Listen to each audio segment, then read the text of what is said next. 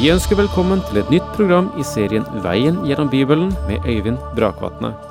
Denne studieserien er produsert av P7 Kristen Riksradio og bygger på serien Through the Bible av Vernon McGee. I dag fortsetter vi med gjennomgangen av Første Mosebok.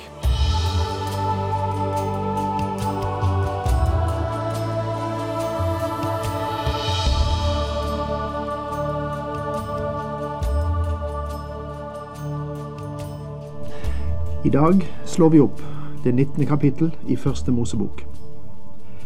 Det foregående kapittel var et bilde av det velsignede fellesskapet med Gud. Men nå forandrer bildet seg. Vi forlater Hebron og høysletten ved Mamre der Abraham bor, og begir oss ned til byen Sodoma, der Lot bor. I dette kapitlet forlater Lot Sodoma sammen med sin hustru og de to døtre, og Sodoma og Gomorra blir ødelagt. Lots hustru blir til en saltstøtte, deretter kommer Lots fryktelige synd i forholdet til sine to døtre. I kapittel 19 har vi bildet på livet som er visnet hen. Glem ikke at denne mannen Lot er en rettferdig mann. Men det er det vanskelig å tro.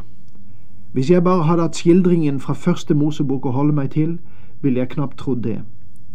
Men Simon Peter sier i sitt andre brev om Lot denne rettskafne mannen pintes dag etter dag helt inn i sin rettferdige sjel når han så og hørte alt det onde de gjorde. Lot bodde i Sodoma, men han var aldri lykkelig der. Det var en tragedie den dagen han flyttet dit, fordi han mistet sin familie, ja, han mistet hele familien om du ser på hele bildet. Det er en eneste tragedie. Det er mange menn også i dag som vel kan være frelst, men på grunn av sin livsførsel mister de sin familie, sin innflytelse og sitt vitnesbyrd. Jeg har vært pastor i to tiår og kjenner kristne som er i Lots situasjon. Det er tragisk, men jeg vil ikke sette spørsmålstegn ved deres frelse. I det skjulte liv har de en tillit til Kristus, men det er vanskelig å slutte seg til av deres ytre livsførsel. Stakkars Lot. Du verden så tragisk dette er. Dette er et av to meget smertelige kapitler i Første Mosebok. De to englene kom til Sodoma om kvelden mens Lot satt i byporten. Da Lot fikk se dem, reiste han seg og gikk imot dem, bøyde seg til jorden. Disse to englene besøker Lot i Sodoma for å forkynne dom. Legg merke til at Lot sitter i byporten i Sodoma. La meg peke på det faktum at de som satt i porten i en by, var dommerne. Det betyr at Lot ikke bare flyttet til Sodoma, men at han også deltok i byens politiske liv og hadde fått en posisjon. Men han er sannelig en ynkelig dommer der han sitter i porten. Han sa, Gode herrer, ta inn i huset til deres tjener, og vask føttene, så kan dere stå tidlig opp i morgen og dra videre. De svarte, Nei, vi vil være ute på torget i natt. Det er naturlig at disse menn hadde skitne føtter, de hadde gått fra Mamres høyslette ned til Sodoma, bare iført sandaler. Igjen vil jeg rette oppmerksomheten mot datidens skikk med å invitere fremmede til å få vaske sine føtter som et uttrykk for gjestfrihet. Lot var en gjestfri mann. Da disse fremmede ankom, inviterte han dem til sitt hjem, og de kom. Men til å begynne med nølte han. Nei, vi vil være ute på torget i natt. Med andre ord, sa de, nei, vi vil finne oss et sted ute, så vi slipper å være til bry for deg. Og dette sa de med en, en, en bestemt hensikt, selvfølgelig. Men han nødde dem så sterkt at de tok inn hos ham, og da de kom inn i huset, laget han til et måltid for dem. Han bakte usyret brød, og de spiste. Disse menn hadde hatt festmåltid sammen med Abraham, og nå gir Lot dem en høvisk og god mottagelse. De hadde gitt Lot en utfordring da de sa Vi vil gå på gaten i natt og eventuelt sove i en park, men Lot sier til dem Slikt gjør man ikke i Sodoma, det er farlig. Deres liv vil være null verd om dere gjør det. I så måte er det mange byer i verden som kunne hatt navnet Sodoma, selv norske byer. Ikke så sjelden sier mennesker til meg særlig eldre, vi tør faktisk ikke begi oss ut etter mørkets frembrudd, vi er redde. Sodomas og Gomorras dager begynner å dukke frem igjen, og av samme årsak som for disse byer. Men før de hadde lagt seg, kom byens folk, mennene i Sodoma, unge og gamle, hver eneste mann og omringet huset. De ropte til Lot og sa til ham, Hvor er de mennene som kom til deg i natt? La den komme ut til oss, så vi kan få vår vilje med dem. Dette er en kvalmende scene som åpenbarer byens forsimpling, byen Sodoma. Navnet som er satt på denne synd fra den dagen til i dag, er sodomi, pervers seksualitet. Får jeg lov til å si at Guds ord er helt klart på dette punkt. Du kan ikke bortforklare. Sodomi er synd.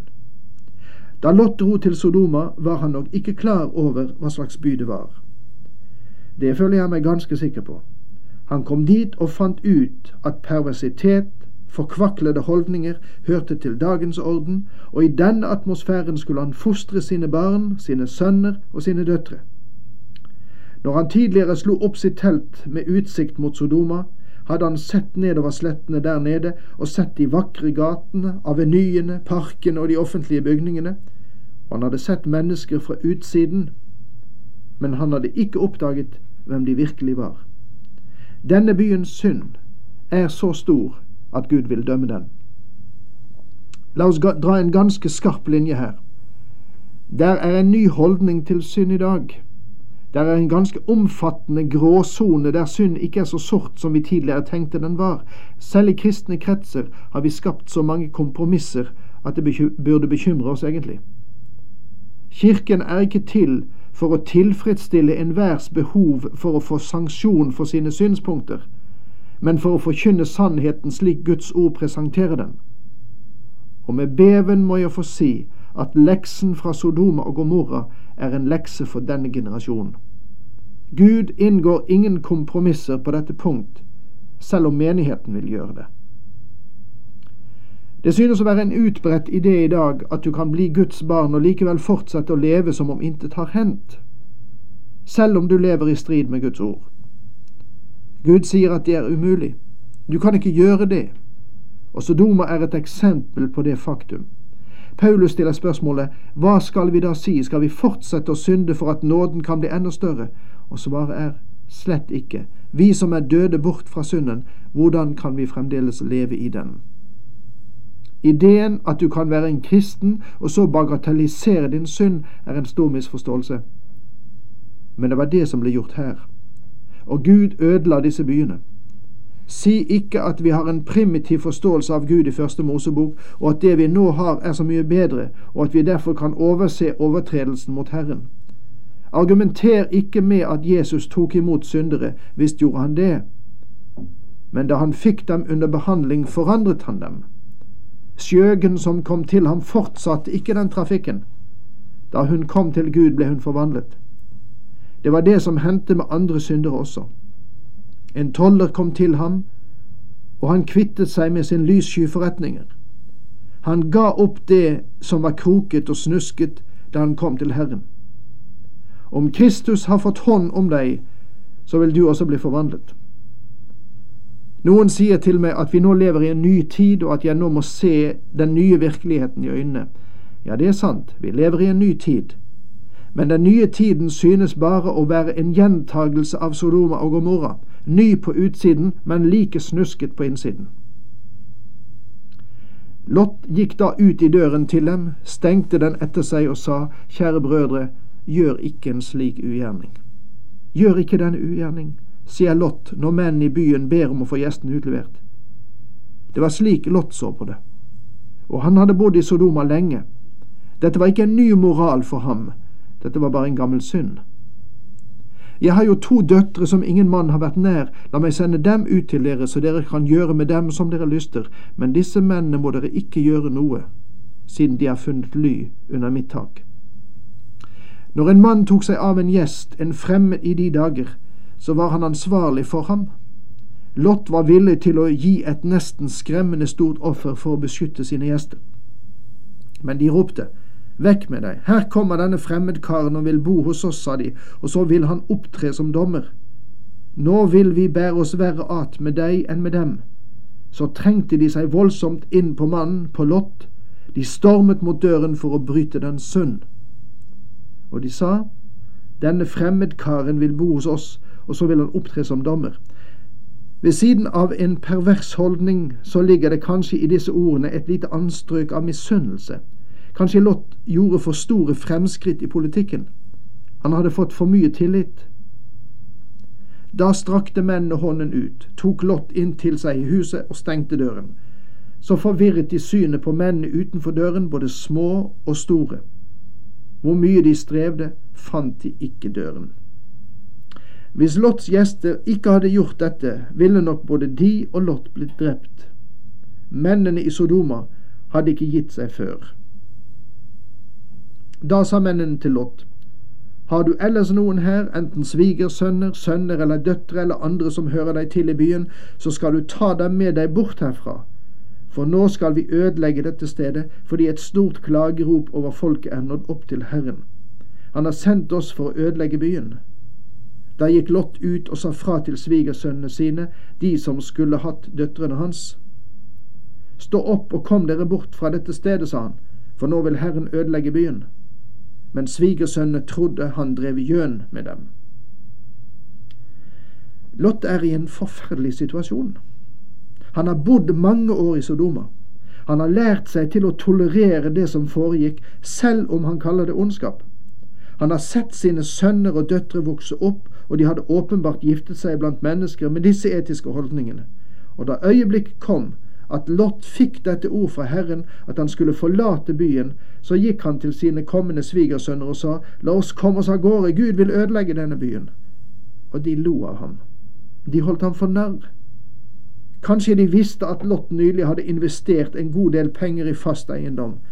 Han hadde bodd i Sodoma i så mange år som en av dem, uten noen stor forskjell, slik at de tok advarselen som en stor spøk.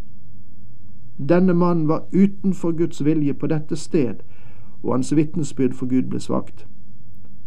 Lot vant ingen for Herren i denne byen. Det samme prinsippet gjelder oss i dag. Hvis du eller jeg blir en del av deres etiske nivå, så blir det vanskelig å vinne dem. Jeg tror at det demonstreres klart og enkelt også i dag. Jeg må si meg enig med Abraham at hans brorsønn Lot ikke var frelst, men husk på hva Peter sa. Byene Sodoma og Gomorra dømte han til ødeleggelse og la dem i aske. Han gjorde dem til et avskrekkende eksempel for dem som senere vil leve et ugudelig liv. Men han reddet den uskyldige Lot, som led under det umoralske liv de hemningsløse menneskene førte der. Ja, denne rettskafne mannen, som bodde midt iblant dem, pintes dag etter dag helt inn i sin rettferdige sjel når han så og hørte alt det onde de gjorde. Lot fant seg aldri til rette i Sodoma, og nå når han skal forlate byen, makter han ikke å få noen med seg uten sin hustru og to utgifte døtre. Da det grydde av dag, skyndte englene på Lot og sa, Stå opp, ta din kone og dine to døtre som er her, så dere ikke blir revet bort på grunn av det onde som byen har gjort seg skyldig i. Da han betenkte seg, tok mennene både han og hans kone og hans to døtre i hånden, og de førte ham av sted og brakte ham i sikkerhet utenfor byen. For Herren ville skåne ham. Her har vi altså en som hørte Gud til, på tross av alle ting. Om jeg bare hadde hatt første Mosebok å holde meg til, er jeg ikke sikker på at jeg ville ha trodd at Lot ble frelst, men siden Peter kaller ham en rettferdig mann, så vet vi at han var det. Lot var rettferdiggjort fordi han fulgte Abraham han trodde Gud, og han bar frem sine offer. Gud gir Lot nåde, og han tror nå Gud og flykter fra byen.